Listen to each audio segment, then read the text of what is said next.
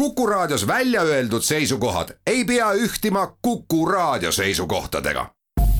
Te kuulate Kuku Raadiot.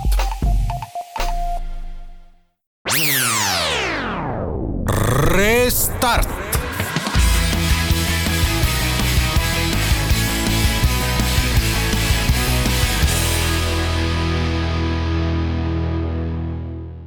Laupäev on käes ja Restardi saade alustab, Taavi Kotka, Henrik Roonemaa on äh, saatejuhid ja külaliseks on meil täna Ampler Bikes, Ampler Bikesi äh, üks äh, kaasasutaja ja tegevjuht Ardo Kaurit, tere Ardo! tere, tere! me räägime sellest täna, kuidas Ampleril läheb ja, ja mis on tulevik ja ja see laiem maailmapilt on, on ju see, et kui kevadel inimesed kõik haigeks jäid, siis alguses lõppes liikumine üldse ära ja paljudes suurlinnades üle maailma algas pärast seda liikumine ratastel. Äh, noh, Pariis, me teame, tegi läbi tõelise transformatsiooni, kus üleöö äh, maaliti autoread kinni ja nende asemele jalgrattarajad, vähemasti internetist on näha olnud, on ju, ise ei ole saanud vaatamas käia. ja neid linnu on veel ja seoses sellega hakkas ka ilmuma igasuguseid graafikuid, kuidas elektrirataste müük on noh, jälle plahvatas, jälle plahvatas, jälle nagu plahvatas, et et teeks väikse ülevaate, kuidas sellel äh, sektoril läheb. ma, ma arvan, et paslik oleks küsida kõigepealt sinu käest, et ma lugesin, et te koroona ajal panite Berliini esinduspoe kinni et seal füüsiliselt vist inimesi ei käinud või et kui suure jälje see, kas positiivse või negatiivse, see kriis Amplerile jättis? no ma võin, võin lobiseda siis juba pikemalt, et noh, esimene nagu niisugune mõju Amplerile kindlasti oli see, et meie fookus oli tarneahelal, kuna ka ju see kriis sai alguse Aasiast ja meil on ka Aasias partnereid, siis hoidsime silma peal, et, et kõik materjal ikkagi jätkuks, jätkaks liikumist. ja peab tunnistama, et mingil põhjusel ei suutnud varakult ette näha, et, et see jama jõuab Euroopasse ka. ja, ja siin läheb kõik punaseks. et äh, meil tarnetega läks üsna hästi ja ajal, kui asi läks päris hapuks, siis meil olid ikkagi suured saatised juba teel ja oli õnn, et me saime sellel, sellel raskel ajal üsna muretult rattaid kokku panna. ja müügi poolt äh, esimene esimene periood ikkagi oli paras ehmatus, et märts-aprill olid kindlasti müügi poolest rasked kuud ja mis läksid päris kõvasti alla meie prognooside. ja siis, siis võib-olla juhtuski see, mida, mida sa mainisid, et inimesed hakkasid avastama, et jalgratas on päris mõistlik liikumisvahend ja ja kuna ka tekkis niisugune nagu esimene vabanemise hoog ikkagi, siis mai, juuni, juuli olid, olid head kuud ja suutsime ka nagu oma kuu eesmärke ületada. ja tagasivaates suures plaanis võib öelda, et nagu tegime enam-vähem tasa selle mõõna, mis jäi siis märtsi-aprilli, et ma usun, et Ampleril oleks läinud paremini ilma koroonata. Mm, ja aga suures pildis ikkagi oli positiivne näha seda, et äh, jalgratas tuli inimestele meelde ja niisugune jalgrattabuum siin-seal tekkis, eriti just äh, piirkondades võib-olla, kus tavapäraselt nii palju ratastega ei sõidetagi. et äh, UK oli hea näide ja, ja Prantsusmaa ja USA ka no kui sa mõtled selle peale, et sa avalikus transpordis sõita ei taha, eks sellepärast, et seal on Covid Äh, oma auto kuskile ei mahu seda parkida ei saa, eks. Äh, äh, Boltiga või taksoga on ka nagu väike Covidi oht ja nii edasi, on ju, et siis ei jäägi muud üle kui jalgratas, et selles mõttes hästi nii-öelda trendi mõttes loogiline käik. aga teeme korra kuulajatele selgega, sellega selgeks, et kui suur täna üldse Ampler on, et, et kui me räägime siin tarneahelast ja nii edasi, et mitu ratast te kuus toodate, kui kaua võtab aega ühe ratta kokkupanek, hind vist on päris krõbe, ma mäletan, vanasti oli kuskil paar tuhat eurot, et kas ta on jätkuvalt nii kõrge, eks, et tee korra natuke seda tausta ka meile selgemaks. Ampler on, ütleme nii, et jalgrattamaailmas ikkagi veel väga väike ettevõte, et meie selle aasta tootmismaht on circa kuus tuhat ratast. sihuke tipphooajal panime kokku kuskil kaheksasada ratast ühes kuus keskmine ratta hind on kaks tuhat viissada eurot. ta jääb alati kõlama kallina ja, ja eelkõige ta tundub, ta on, ta on kallis nagu, kui sa, kui keegi ostab selle endale mänguasjaks. aga kui mõelda nagu igapäevase transpordivahendina, siis, siis ta on tegelikult päris soodne asi, eriti nendel sihtturgudel, kus me, kus me tegutseme, et täna ligi üheksakümmend üheksa protsenti ratastest läheb Eestist väljapoole no auto on tuhat, eks umbes kuus, et kui sa mõtled äh, liising, bensiin äh,, kindlustused äh.... sa oled, sa oled esimene inimene, Taavi, kes selle yeah kes seda nagu minu, jaa, selles mõttes, et mina käin ringi, räägin oma sõpradele, et, et minu auto maksab tuhat euri kuus, on ju. Yeah.. ja liising on sellest kolmandik. ja keegi ei usu, mitte keegi ei usu ja siis ma lõpuks võtan oma Exceli lahti ja no ma saan kuskil selline kaheksasada, kaheksasada viiskümmend, noh, vabalt ja, ja kui midagi kehva juhtub, on ju, äh, siis, siis tulebki tuhat ära. no sul on tegelikult kehv auto, ütleme niimoodi, et siis on tuhat, et äh, ütleme hea autol on liisingumaks üle tuhande juba, eks on ju, et aga, aga, aga selles mõttes nagu noh, kui sa mõtled, et see on kahe poole kuuga tasub ära, eks on ju, rääkimata parkimiskuludest ja muudest asjadest sinna otsa, on ju, et täiesti arusaadav. aga te panete neid kokku siin Eestis või Hiinas või kus kohas see tootmine meil on? ma võtan jälle paar lauset siis juba rohkem aega vastamiseks, et äh, meil on aega kõvasti muide. Ampler äh, on üsna, võib öelda nagu vertikaalselt üles ehitatud ettevõte, et me teeme päris palju asju maja sees. Äh, mida me ei tee, millest on lihtsam rääkida, et me ei töötle toormaterjali, ehk siis nagu komponendi tasemel asjad jõuavad meie juurde valmin-, valminuna, aga maast madalast on täna juba enamus detaile, mis ratta külge lähevad, on vähemal või suuremal määral nagu meie välja töötatud et on tootearendusmaja sees ja siis, kui jupid on nii-öelda valmis, need tulevad kõik siia tagasi, meil on Jüris äh, vähem kui aasta aega tagasi valminud äh, koostamistehas, kus me paneme kõik rattad ise algusest lõpuni kokku ja saadame siis kliendini, et Ampler on ka otse lõpptarbijale ärimudeliga, me müüme need rattad ise kliendile, me teeme seda enamasti veebis, mis moodustab üle üheksakümne protsendi müügist teeme ise kliendituge, ise hooldame oma rattaid, teeme garantiiremonti ja kõike seda. selles mõttes, et see raam, äh, see tuleb Hiinast teile ja akuelement tuleb ka Hiina? aga akud, kõik, ühesõnaga, kas enamus nagu üheksakümmend protsenti tegelikult on, on nii-öelda sealt piirkonnast pärit kraam? ei, ei ole, et kui mõelda elektroonikast, siis ma arvan, et üle poole, poole äh, asjad on Hiina partneritega Äh, ratta, ratta nagu valdkonnas ütleks, et üle üheksakümne protsendi on väljaspool Hiinat. et Taiwan on äh, väga suur rattatööstuse süda, kust meil tuleb palju detaile, sealhulgas äh, raamid, raamitehasest, noh, loomulikult nagu meie, meie nagu jooniste asjade järgi. ja meil on partnereid, kes toodavad asju ka Eestis ja Euroopas ja ka teisel pool ookeani üldse kuidas see tootearendus üldse käib, et äh, minu meelest jällegi ma nüüd ei taha siin puusalt panna, aga noh, see ei ole päris ikkagi Scott või. või, või mõni muu teine tuntud bränd, kes suudab nagu katta ära kogu noh, kõik erinevad turusegmendid äh, alates äh, kolmerattalisest ja lõpetades tippsportlase töövahendiga, eks, et. et teil on ikkagi väga kindlad linnarattatüübid kui palju sellest on ikkagi see nii-öelda enda välja mõeldud ergonoomika ja kui palju on lihtsalt see, et, et valisime välja mingi raami ja, ja hakkasime sinna peale elektroonikat panema? Rääkides nüüd segmentidest, siis tõesti, meil on risti vastupidine lähenemine, et me üritame teha ainult ühte funktsiooni, milleks on siis äh, elektrijalgratas, millega on mõnus käia tööl, kui sa elad juhuslikult linnas. ja need nii-öelda väiksed mudelivariatsioonid on siis, mis täidavad võib-olla seda eesmärki natuke erinevate inimeste jaoks. ja see on see nagu nii-öelda kitsas fookus. Äh, teine osa küsimusest, äh, noh ütleme,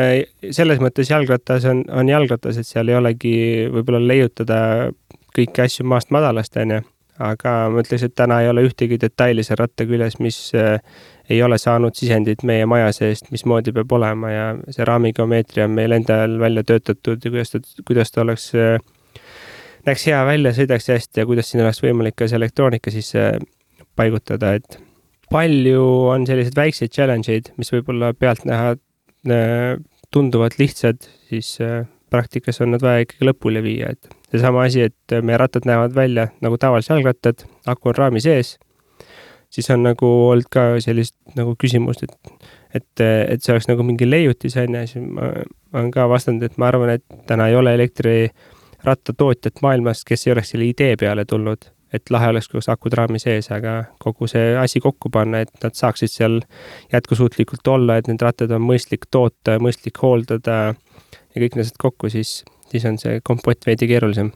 Aga ma just mõtlengi, et tavainimesel on kokkupuude elektrirattaga pigem tõuksi näol, ehk siis nad on kas siis Bolti või Tuule tõuksidega ringi põristanud, kas siinsamas Eestis või mõnes muus suurlinnas mina olen teie ratast proovinud korduvalt ja ütleme ausalt, et see vau-efekt esimesel hetkel, kui sa saa nii-öelda väntad ja. ja, ja rakendub ka see elektri lisajõud, ehk siis nii-öelda noh, sa lähed ikkagi umbes nagu samasugune vahe nagu kui sa lähed ujuma eh,. ilma lestedeta või lestedega on ju, et, et see, see edasiminek on ikkagi meeletu, et äh, seesama, aga samas see hind, et noh, et kaks tuhat viissada ikkagi on ju, et. Et kas selle koha pealt on see hinna suurusjärk nagu õiges kohas või üldse, kuidas see nagu selles mõttes selle research imine käib, on ju, et. et kui palju peaks nagu andma aku mahutavuses või muus asjas järgi selleks, et saada hinda soodsamaks. või see pole üldse hinnatundliku kliendi teema või, või kuidas see hind üldse kujuneb? võib-olla alustuseks äh, sellest, et E-, Eestis on, on elektriratas nagu võõra, võõras või sihuke uus kontseptsioon ikkagi võrdlemisi, kuigi see on ka, ka meie tegutsemisaja jooksul juba muutunud. Aga ütleme, meie põhiturul Saksamaal on elektrirattad olnud teemas juba vähemalt kakskümmend viis aastat. ja, ja seal on see teadlikkus ja kõik on kõrge, eh, mida elektriratas peab tegema ja see hind kujuneb, noh, tihtipeale ikka kipub niimoodi olema, et eh, sa saad selle, milles, milles sa maksad ja ma arvan, et kõrvutades täna äh, sinna kõrvale mingisugust äh, elektritõuksi, mille sa saad osta Eestist mingisugust edasimüüjalt, mis noh, vahet ei ole, kas ta maksab kolmsada või kaheksasada eurot, siis äh, nad on nagu mänguasjad. et kui me räägime liiklusvahendist, mis äh, sõidutab sind kolmsada kuuskümmend viis päeva aastas ja niimoodi viis aastat järjest, siis see toode on teisest puust ja see määrab lõpuks ka selle hinna, et ka jalgratastega on sama, et meil on võimalik osta omale jalgratas, mis täitsa täidab oma funktsiooni võib-olla kolmesaja euro eest, aga korralik jalgratas, mis, mis on tõesti nagu mõeldud igapäevast kasutamiseks, ikka need tavalised jalgrattad maksavad juba tublisti üle tuhande euro. Ja need muide said ka otsa, sellepärast et äh, mina olin ka, ma elektriratast ei ostnud, me võib-olla sellest räägime eraldi, et palju elektrirattal nii-öelda ruumi on vaja, on ju, et linn, kui suurt linna on vaja ja ja kui mägist, aga ma ostsin tavalise äh, aprilli alguses ja ma sain viimase sellise, mis Eestis oli, ja siis edasi järgnes selline mitmekuine auk ja ja internetist oli lugeda, et suured rattatootjad, noh sisuliselt neil ei olnudki midagi pakkuda, et neil tekkisid kuudepikkused järjekorrad. Äh, kuidas teil sellega oli, et kas oli mingil hetkel ladu tühi või tõmbas hinge kinni või ei tõmmanud? ma arvan, et meil, meil oli natuke õnne ja meie kasuks ka mängis palju meie ärimudel ja meie tegutsemismudel, et me teeme palju asju maja sees ja me paneme neid ise kokku. Et meil oli seda paindlikkust oluliselt rohkem kui enamus rattatootjatel ja brändidel maailmas et äh, väga paljud ikkagi rattabrändid töötavad natuke teisiti ja kogu nende tarne- ja tootmisprotsessid on Aasias. ja mis need sattusid siis suurema surve alla sellepärast nad ei saa tehases käia, ma just lõpetasin kõne hindega, kõik inimesed jätkuvalt kodudes äh, mitte mingit äh, kokku tulemist, eks. Jah, ja, ja kui nüüd, kui see jama hakkas nagu peale, siis ma arvan, et väga paljud ei julgenud nagu enesekindlalt öelda, et sellest nüüd sünnib rattabuum, et ikkagi üritati koomale tõmmata ja, ja kuna tarneahel oli katki, tellimused olid ka tühistatud ja kõik nagu olid hirmul, siis see sai kõik otsa. et meil tegelikult oli sellel aastal äh, nii-öelda võimalus päris hästi äh, ladu hoida ja me suutsime suurema osa kõrghooajast äh, täita niimoodi, et meil oli rattad kätte anda nii-öelda erinevalt ka oma konkurentidest ja ma arvan, see aitas meil tegelikult ikkagi nagu raskel aastal teha väga häid tulemusi, et me suutsime oma eesmärgiks seatud äh, sajaprotsendilist kasvu aastas äh, hoida. Äh, hea küll, me teeme siia pausi ja siis jätkame.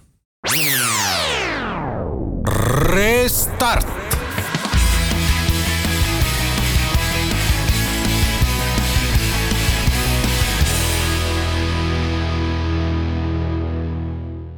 Restart jätkub, Taavi Kotka ja Henrik Roonemaa külaliseks on Ardo Kaurit, kes on Amplerbikesi kaasasutaja ja meil jäi jutt siin pooleli, et kuidas siis suur kriis mõjutas seda asja. Mm, ja ühest küljest müük läks üles või vähemasti ütleme, et sa tegid tasa selle, mis kohe alguses ära kukkus. teisest küljest, kui ma panin noh, lihtsalt internetiotsingusse e-bike või electric bike, et siis ma nägin, et kui palju ikkagi noh, praktiliselt ka viimaste kuude jooksul on tulnud nii mudeleid kui, kui tegijaid turule, et noh, sa lihtsalt hakka otsast võtma erinevates hinnaklassides, kusjuures suured jalgrattatootjad, väiksed tootjad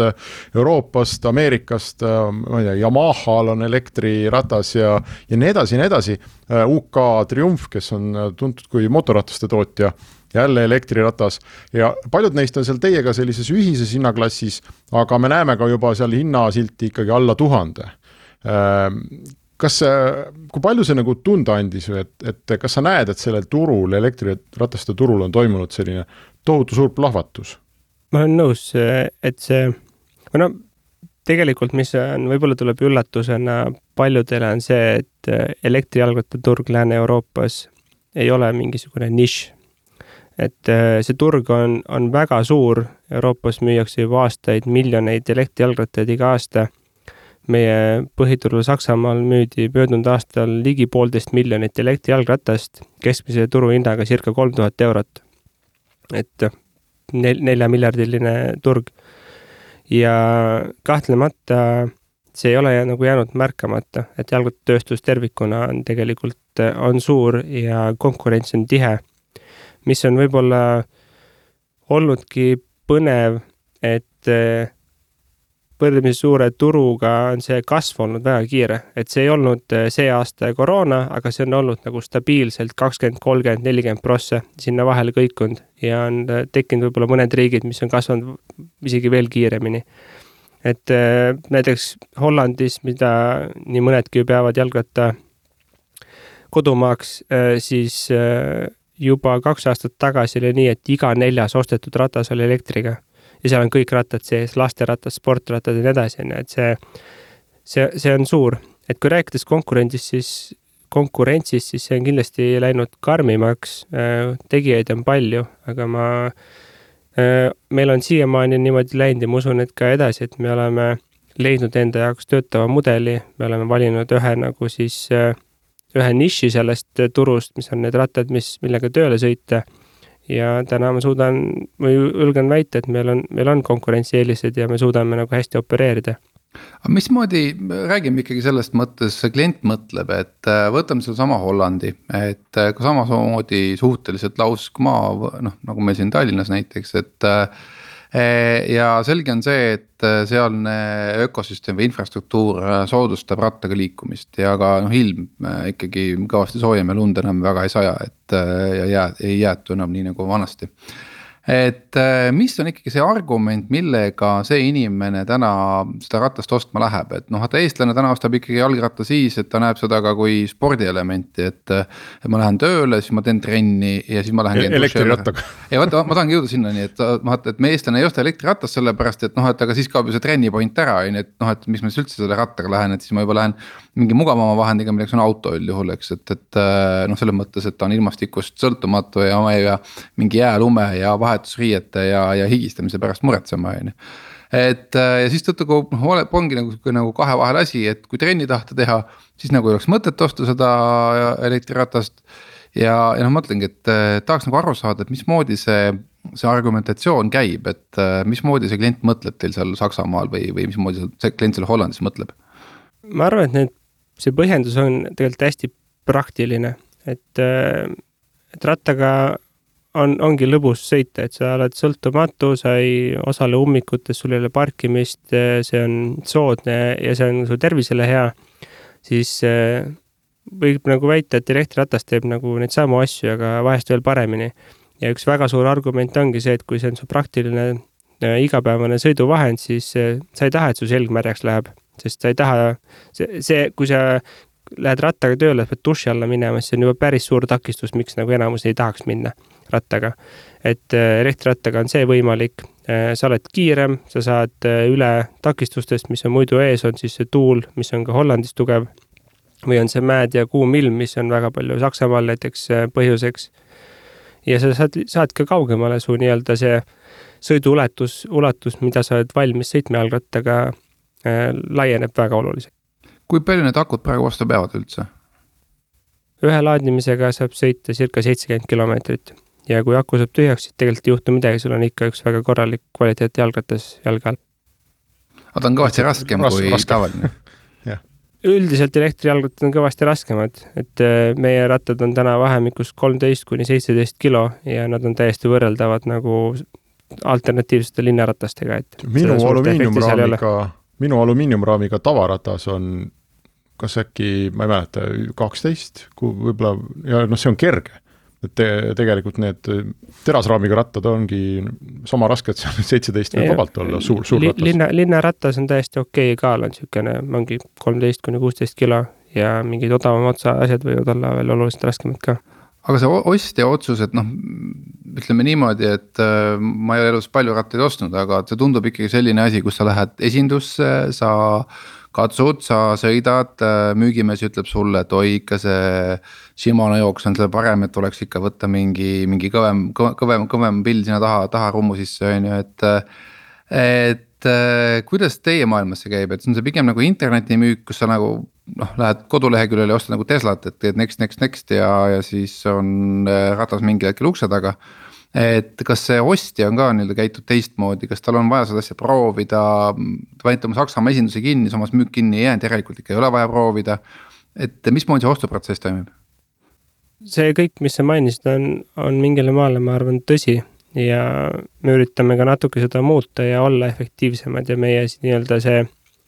mõte või ärimudel minna otse lõpptarbijale, müüa neid võimalikult palju internetist, annab meile võimaluse müüa neid rattaid odavamalt. Et äh, me tegelikult täna konkureerime tihti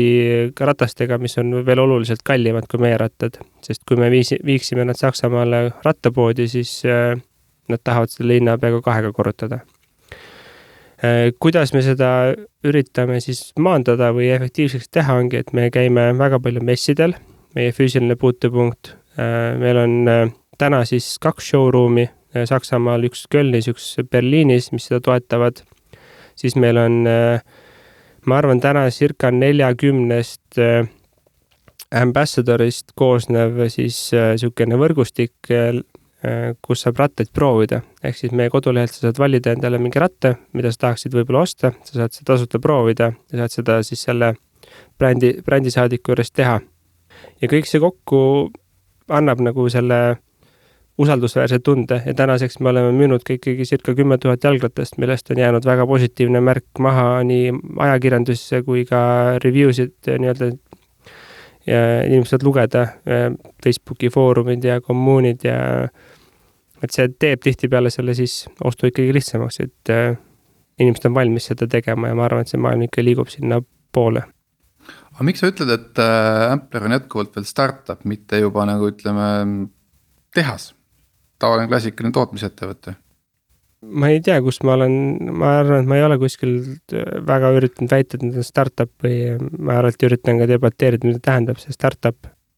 ma võib-olla, võib-olla olin veits intrigeeriv, aga, aga just mõtlen, kuidas sa ise nagu tunnetad seda, et ega see tähtis ei olegi, et kas oled, mis sul see nimi on, aga. Aga kas see, kas see nii-öelda äri, kas see sinu nii-öelda ettevõtte ülesehitus, protsesside ülesehitus, laienemisplaanid, kõik nii edasi, et. et kas nad täna on juba sellised nii-öelda kahe jalaga maa peal, kõik raha, mis teenime, investeerime tagasi. mingeid raunde ei tõsta, teeme nii-öelda noh, nagu ühte korralikku ettevõtet ehitatakse et kas on pigem see teekond või see on pigem selline, et, et ei, et meil on ikkagi mingi tehnoloogiline eelis ja, ja lähme krabame turgu ja, ja, ja nii-öelda. võtame investorite raha sisse, tuleviku rahavood on ju ja nii edasi, et, et kuidas see teekond praegu paistab? ma arvan, me oleme seal kuskil vahepeal, et äh, jälle need äh, näited võib-olla olid nat-, natuke äärmuslikud, on ju, et ka ma arvan, me oleme päris kaugel klassikalisest tootmisettevõttest, kus on, kus on nagu kogu rõhk efektiivsusel ja stabiilsusel ja kõikidel asjadel. et äh, meil on ikkagi omajagu gaas põhjas, me oleme võtnud omale eesmärgi kasvada sada protsenti aastas, seda tempot ei ole plaanis muuta. selleks, et seda teha, siis äh,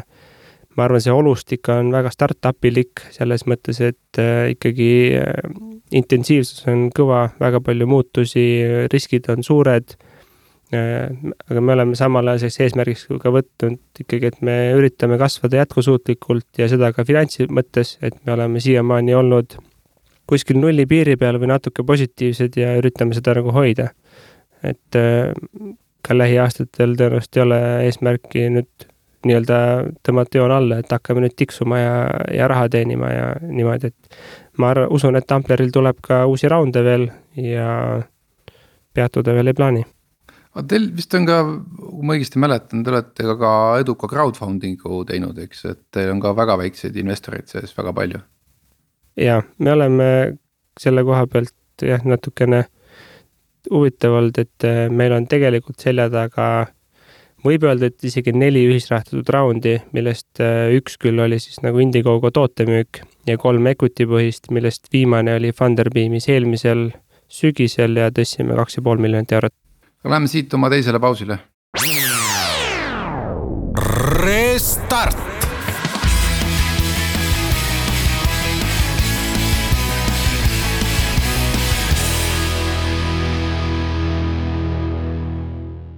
Restart jätkub ja meie külaliseks on täna Ampler ning äh, Ardo Kaurit. Äh, räägi meile, Ardo, viimases plokis, et äh, kui sa nüüd vaatad kogu seda turgu ja seda, mismoodi noh, me vaatame ju ka näiteks autoturul elektriautod vaikselt hakkavad tõstma pead, kindlasti vähem, kui seda on jalgrattamaailmas, eks, aga ütleme nii, et väga paljude klientide jaoks juba see on argument, et ma lähengi ostma elektriautot, et ma muidu võib-olla isegi ei vahetaks autot välja, aga. aga kuna on ikkagi vaja roheline olla ja, ja noh, teistmoodi kogemus ja emotsioon, et noh, et, et siis võtan selle elektriauto, eks, et. et kui sa vaatad seda oma maailma, et mis on need suuremad trendid, mida sina näed, et kas me kõik ütleme, et igas peres on kahe aasta pärast elektriratas või, või, või, või milline see tulevik välja hakkab nägema üldse? ma usun küll, et see trend kasvab, et elektrijalgrattad on, on rohkem pildis ja kõige rohkem ma usungi seda sellepärast, et ma ma tahan ja ma arvan, et ka nagu nende möödunud sündmuste näol selline jalgrattakultuur üldiselt tõuseb. inimesed avastavad jälle, et jalgratas on maru lahe asi ja, ja praktiline ka. ja ma arvan, et elektriratas annab sellele, selle tõuke juurde, et ta teeb selle nagu söödavaks või siis mõnu, mõnusamaks nii palju rohkematele inimestele. inimesed, kes tavalise rattaga lihtsalt ei sõidaks. võib-olla nad isegi ostsid selle ratta, aga nad ikka ei sõida küll on neil külm ja küll on neil raske ja küll on mingi muu häda. et see elektriratas lihtsalt paneb sind selle rattaga nii palju rohkem sõitma. ja ma usun, et seda kasvu küll jääb juhatama need piirkonnad äh, maailmas, kus äh, see toetus on ka natuke laiem, et on, äh, on linnaisad ja on riigid, kes propageerivad, loovad infrastruktuuri ja ka kultuur on, kultuur tekib selline, et ei ole niisugune maine, et jalgrattaga sõidavad ainult vaesed kuidas Eestis on vist sellega nagu, Eestis on nagu, ei ole päris, päris nii, nagu sa kirjeldad, on ju, et äh, ma ei tea, et näiteks teil on tootmine Jüris. Äh, Taavi elab meil kuulsusrikkalt Viimsis. kas need on näiteks sellised distantsid, et noh, kui sul oleks iga päev linna asja, ma ei tea, elad linnas, töötad Jüris või, või elad Jüris, töötad linnas, on ju. kas seda võiks sõita sellise elektrirattaga? see on paras maa talle, on ju, mingi selline viisteist, kakskümmend kilomeetrit jah, ma arvan, et no võib-olla äh, õnneks vist kakskümmend ei ole Jüri ka, et kakskümmend juba rattaga võtab ka sihuke nelikümmend viis minutit äh, aega, et äh, läheb võib-olla veits nagu pikemaks, aga kümme kilomeetrit on, on nagu väga mõnus distants ja see on igal juhul sõidetav. et mis ongi võib-olla Eesti, Eesti nagu koha pealt, et noh, asjad ei ole kindlasti hästi. ma, ma pigem olen optimist ja julgen öelda, et ka sellel ajal, kui me oleme tegutsenud circa kuus ja pool aastat, et areng on olnud positiivses suunas. Äh, aga seda nii-öelda sõitmist peab äh, toetama infrastruktuur, peavad toet-, toetama head tooted, mida ma loodan, et Ampler teeb. ja, ja kolmas komponent ongi niisugune nagu suhtumise või kultuuri küsimus, et äh, ma arvan, seal on ka Eestis väga palju arenguruumi. ja kui mõelda konkreetselt Tallinna ja selle näiteks Jüri Tallinna näite peale, siis äh, ratas nagu sobiks sellesse päris hästi, aga eh, sarnastes piirkonna, piirkondades eh, siis Lääne-Euroopas seda, see valu on nii palju autoga sõitmisel suurem. sul ei ole mitte kuskil parkida, sul on meeletud ummikud, eh, ta on veel kallim, et siis see ratas on nagu veel nii palju mõistlikum. Taavi, kas sina kujutad ette või mis peaks juhtuma, et sina käiksid äh, linnavahet rattaga või näiteks, ma ei tea, kus koolis su lapsed käivad, oletame, et paned kesklinna mõnda kuulsasse kooli, et äh, kas sa kujutad ette, et ta hakkaks käima, ütleme, kolmveerand ajast äh, rattaga? Äh, minu lapsed käivad reaalkoolis et äh, koolikott on parajalt, parajalt raske juba, et äh, esimene küsimus, et kas, kas see sobib, eks äh, ma ise õnneks ei käi üldse pea, peaaegu linnas, et, et istun siin oma Viimsis, aga. Aga see kümme kilti, noh, ütleme, mul on Viru väljakule üksteist kilomeetrit või üksteist pool, et äh, ma ikka kuidagi tunnen nagu seda, et, et okei okay,, sa paned oma smart casual'i selga, istud sinna ratta otsa, sa sõidad sinna ära. ja nüüd hakkab järsku sadama ja noh, meil Eestis hakkab kogu aeg järsku sadama, eks, et äh, siis sa oled kuidagi märg seal ja ütleme niimoodi, et, et seesama see Hollandi kogemus, mis neil on nagu noh. kui on vihm, siis on sipsti kilekas välja, visatakse pähe on ju, sõidetakse vihmaga edasi või, või, või Kopenhaagenis täpselt sama emotsioon, eks, et. et meil ikkagi kuidagi, sa peaksid nagu noh, ütleme nii, et Äh, nagu sa ütlesid õigesti, Ardo, et seda kultuuri peab hakkama kultiveerima ja inimesed peavad kuidagi ise noh, nii-öelda selles mõttes nagu seda valu äh, tunnetama, et, et mul on ilma autota nii palju parem. Täna, kui ma autoga lähen, äh, noh praegu reiditee on ka valmis, ummikuid ei ole Pirtal, et no ei no, kuidagi ei. ei, tõmba jah ma saan sellest sinust aru, Henrik, sa lähed Kalamajast linna on ju, et selles mõttes sealt. ma lähen jala, ei vastupidi yeah., ma arvan, muide, minul on ka probleem äh, noh, mitte nagu konkreetselt Ampleriga, aga ütleme nii elektriratastega kui elektritõuksidega. et Taavi, sinu jaoks on linn nii-öelda liiga suur, on ju see distants, minu jaoks on liiga väike. et äh, kui ma lähen siit linna, ma olen praktiliselt kümne-viieteist minutilise jalakäiguga ükskõik kus noh, valdavalt, kus mul vaja käia on, on ju. Äh, ma isegi aeg-ajalt käin Mustamäele, sellepärast et äh, ma lähen siit nüüd pool tundi ja noh, kui ma olen päev otsa istunud, on ju, mul on mingit asja ajada, et siis selline näiteks pool tundi sinna trolliga tagasi või noh, et ma saan palju paremini oma asjad aetud. et mul ei ole seda rattamuret, on ju, et hakkab sadama või kus ma panen või, ei ole. ja, ja, ja kui mul on vaja ratast, siis mul ei ole jällegi vaja elektriratast, sellepärast et äh, need distantsid on nii palju lühemad minu jaoks, et mul noh, minul ei ole mõtet. ja Tallinn ei ole ka mägine, on ju, mis muidu noh, me käisime suvel äh, Otepääl puhkamas, võtsime ülbelt siit Tallinnast rattad kaasa, oh sa jumal. esimene päev oli selgus, et kõige ainuke tasane koht oli tenniseväljak ja siis me võtsime reketid ja läksime mängima. et ülejäänud oli kõik üles-alla, on ju. et, et ilmselt need Eesti puhul, ma ei tea, Ardo, kas see on tavaline jutt, mida ma räägin, et, et need probleemid tulevad kahelt poolt vastu, et kas see on liiga kaugel või liiga lähedal kõik? no igal juhul, ma arvan, et ongi igaks nagu otstarbeks on enda asi ja kui, kui on võimalik jalutada, siis ma arvan, see on väga mõistlik ja kui inimesed tavaliste ratastega, see on suurepärane ja ma arvan, et selles äh, suures pildis ongi oma koht äh, jalgratastele, elektrijalgratastele, tõuksidele ja isegi autodele, on ju. et äh, tore oleks, kui neid ei kasutatagi väga väärasti valladel ots-, otstarbetel ja siis, siis see ongi mõistlik. ja Tallinna näitel igal juhul, et mina ka hiljuti vahetasin elukohta, muidu elasin Kopli piiri peal, käisin äh, kesklinna piiril siis tööl. minu jaoks jalgratas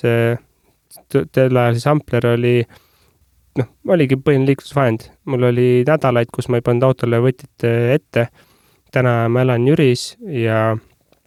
ega inimene on mugav, mugav olend, äh, siin on lihtsam autoga sõita, vahemaad on suuremad ja ma sõidan autoga rohkem kui jälle rattaga, onju et ma arvan, et vägisi ei peagi peale suruma ja lihtsalt ongi, et maailm on suur eh, ja neid piirkondasid, kus elektriratas on väga, mitte isegi väga, aga kõige mõistlikum viis enda liigutamiseks ja neid, neid piirkondasid jagub. Mis selle elektriratastega veel nii-öelda uut on maailma tulnud või ütleme tänu sellele, et seal on kõvasti tehnoloogiat peal, et kas ta teeb, toob veel mingeid, pakub mingeid erilisemaid funktsioone, ma toon mingi näite, et a la täna ma rattaga ei julge Selverisse väga minna, sellepärast äkki varastatakse ära, eks, et tohutu lukk peab olema kaasas ja ütleme ausalt, sihuke odavam, selle nad ju kaks saavad kohe läbi, on ju, et. et äh, alati see kuidagi nagu paneb muretsema, samas äh, noh Bolt on laotanud terve linna rattaid täis, tundub, et ei lähe, on ju, et neil on kõigil seadmed küljes ja track ivad ja nii edasi, on ju et kuidas nende ämperratastega on, et äh, kui varjakindlad nad, nad on, iseenesest ju hind on kõrge, ehk siis nagu huvi võiks ju olla varastada neid rattaid ka, eks, et. Äh, et mismoodi see pilt paistab? tänapäeval ka GPS äh, nii-öelda tracker jalgrataste sees ei ole enam väga uudis, et tänastes ämperi mudelites seda ei ole. küll aga meil on eesmärk sinna ka jõuda. jälle, see on sihuke kultuuriga ka veidi seotud, et meil näiteks ei ole olnud väga palju varastamisjuhtumeid tegelikult. Et äh, me ka müüme rattaga koos kvaliteetset lukku, mis on mõistlikult tugev. Äh, paljud kliendid kindlustavad neid, kui tõesti õnnetus juhtub. aga selle võib-olla varguse vastu aitab ka see fakt, et need rattad ei karju igalt poolt, et ta on elektriratas ja siis jäävad natuke rohkem märkamatuks. aga kindlasti on, on jälle ka piirkondi, kus rataste vargus on probleem ja siis me üritame ise ka seda probleemi lahendada, et ka täna meil on näiteks selline võimalus, et kui ratas on varastatud, siis me saame distantsilt kõik, kõik nii-öelda mobiiliäpi funktsioonid välja lülitada, et noh, sa saad ratta, aga sul tegelikult pooleliselt ei tööta näiteks. sa ütlesid selleks mahuks, palju te toodate, tuleta meelde, kuus tuhat ratast äh, aastas, aastas? Äh, jah et ma vaatasin, et Euroopas äh, kaks tuhat üheksateist äh, oli see number umbes kolm miljonit, mis müüdi, on ju, ja noh, maailmas mm -hmm. tõenäoliselt rohkem. no see nagu paneb küsima, et te olete nii vara turul, et äh, te olete ikka väga väike või, või ma saan aru, et et kuus tuhat on palju, on ju, ja tootmist on raske skaleerida, aga et kas see, et te olete suhteliselt pisike, on selline teadlik või paratamatu asjade käik? see on olnud nagu taotluslik ikkagi, et eh, see, needsamad otsused, mis me oleme teinud, et me tahame neid rattaid panna ise kokku. Eh, sellega me saavutame, saavutame palju, meil tõuseb majasisene kompetents oluliselt kiiremini, me oleme oluliselt paindlikumad, omame paremat kontrolli, saame kvaliteeti kontrollida, needsamad nagu valikud mõnes mõttes ka piiravad meie kasvu, on ju, et kui meil oleks partner, kes paneb kokku miljoneid rattaid ja ütleme, et nüüd teeme kümme korda rohkem, siis on lihtsam et see on äh, valitud tee, me olemegi kasvanud niisugune sada kuni kakssada protsenti aastas. Ähm, ja tunneme, et see on olnud nagu õige tee, mis küll on olnud mõnes mõttes aeglasem, aga ma usun, et see on pikas plaanis äh, jätkusuutlikum aga, aga mõtle see hetk, kui need äh, Scottid ja Trekid ja ma ei tea, kõik muud on ju lendavad peale ja kõik Rademarid, Sportlandid ja Sports Directid on, on neid nagu täis, et sul on kindlasti oma peas mingisugune plaan nagu selleks hetkeks ka või et noh, kui suur või väike sa saad olla siis, kui ühel päeval loodetavasti see, see värk on nagu tõeliselt massiline, neid on igal pool ja kõik toodavad ja mitte kahe tuhande, vaid võib-olla näiteks seitsmesaja või kuuesaja euro eest. täna ma arvan, see olukord on selles mõttes käes, et absoluutselt kõik rattatootjad maailmas, kui me ei räägi mingitest nišidest, eh, nende valikus on elektrirattad ja me oleme jätkuvalt konkurentsivõimelised ja ma arvan, et tänu sellele, et me oleme seda kogemust maja sees teinud ja kasvõi kokkupaneku mõttes ma arvan, meil võib olla juba oluliselt rohkem kogemust kui mõnel ko kümnetes kordades suuremal ettevõttel, siis äh, ma usun, et me saame hakkama. ja noh, ongi jälle selle hinna juurde tulles, et ma usun, et, äh, et ka kvaliteetse elektrijalgrate hind äh, näit-, on veel langustrendis, aga ma usun ka seda, et see hind ei ole tegelikult enamus, enamus kohtades probleem et see on tegelikult, nagu ma ütlesin, transpordivahendina odav, sa võtad järelmaksu äh, kaheks aastaks, maksad sada euri kuus ja raske on leida nagu mõistlikumat alternatiivi. kas äh,, mis on Ampleri exit, et äh, kas te jäätegi nii-öelda noh, ma ei tea, korralikuks dividendimaksjaks, kes järgmised kakskümmend viis aastat toodab oma nii-öelda nišile kõige paremat jalgratast? Või see on pigem selline, et et need kõik need head tegijad ühel hetkel ostetakse nendesamade Scottide ja Trekkide ja muude poolt ülesse. et äh, olete üldse mõelnud seda, on, olete rääkinud sellest, mis on see lubadus, mis te olete andnud oma investoritele? me ei ole kindlasti Amplerit ehitanud selle jaoks, et äh, teha, teha kiire exit äh,. me oleme kasvatanud Amplerit kui jätkusuutlikut ettevõtet äh, ja ma arvan, et selle tegevusega kaasneb see, et meie, meie väärtus ka potentsiaalsete ostjate ees nagu tõuseb raske on öelda, mis, mis nagu siis lõpuks välja tuleb, et äh, ma arvan, et äh, ka see variant, et Ampler kasvab iseseisvalt suureks ja, ja teenib, teenib äh, ka oma investoritele tulu tagasi, on täitsa hea variant. ma ütlen, kui sa oled suur rattatootja, et mis ma ei tea, Taavi, sina oskad suurfirmade sellist hingeelu võib-olla paremini avada kui mina, et mis see point oleks, et mida, kui sa oled Scott näiteks, et mida sa lähed Ardo käest ostma? No puhtalt nagu mingit arenduseelist, ehk siis kui on mingi unikaalne teadmine. Jah, et kui on mingi unikaalne teadmine, et siis läheks, et muidu alternatiiv on alati, kui on samad jupid, siis tee pigem ise, on ju, et sul on omad äh, nii-öelda logistikaahelad juba paigas ja, ja tootmisahelad, et selles mõttes äh,. disain, bränd on ju, sul on kõik olemas nagu ja, müügi, müügikanalid. jah ja,, et küsimus ongi selles, et kas seal on midagi, mille järgi tegemine võtaks näiteks, ma ei tea, paar-kolm aastat aega, on ju, et. noh, IT-s näiteks päris tihti on, kui sul on mingid äh, äh krüptolahendused, et äh, mille, mis baseeruvad mingil teadusel, et kui sa peaksid hakkama seda ise nullist ehitama, et sa peaksid tegema paar aastat teadustööd ja siis võib-olla nagu saaksid tootega välja tulla, et siis sa ostakski seda kahte aastat, on ju, et.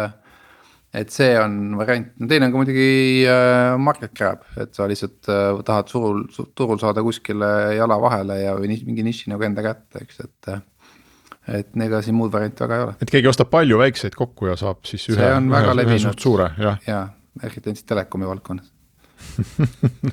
jah, ma ei ähm,, selge, Aldo, kas sa tahad midagi öelda meie selle mõttevahetuse peale ei, huvitav. ma võib-olla lisan ka seda, et, et me, me oleme mitte päris nagu teerajaja, aga, aga üsna nagu eesrinnas selles valdkonnas nendest ettevõtetest, kes lähevad otse lõpptarbijana. ja noh võib-olla ma ka eksin, aga ma arvan, et äh, enamus ettevõtted tahaksid minna otse lõpptarbijale ja küsida kõrgemat marginaali ja jätta vahendajad vahele, aga see ei ole alati niivõrd lihtne ja see on äh, enam, äh, suur rattatööstus toimib ikkagi vanal heal nagu edasimüüja ja maaletooja mudelil ja neil on, neil on raske ka sellest nagu välja tulla kohtades, kus isegi tahaks teha teistmoodi, siis seal tekib niisugune huvide konflikt siis oma edasimüüja võrgustikuga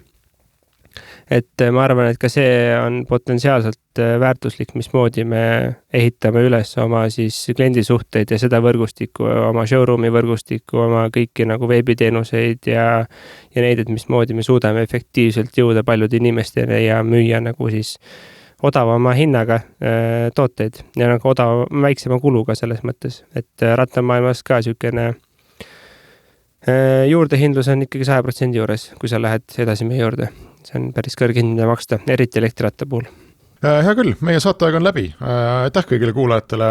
ja aitäh, Hardo, sulle ka. muide, kas Eestis saab ka nagu osta kuidagi seda ratast, vaadata, proovida? Äh, proovida saab ka meie Tallinna kontoris, kuigi peab tunnistama, et täna seal ei ole kõige paremad tingimused selleks, aga meil tegelikult on eesmärk ka, ka seda proovisõidukogemust oma Eesti klientidele oluliselt parandada järgmisel hooajal aga internetist saab tellida nii nagu üle kogu Euroopa ja tuuakse sulle äh, tasuta ukse taha. aga see järelmaks, mida sa rääkisid, see järelmaksu mõte oli väga ahvatlev.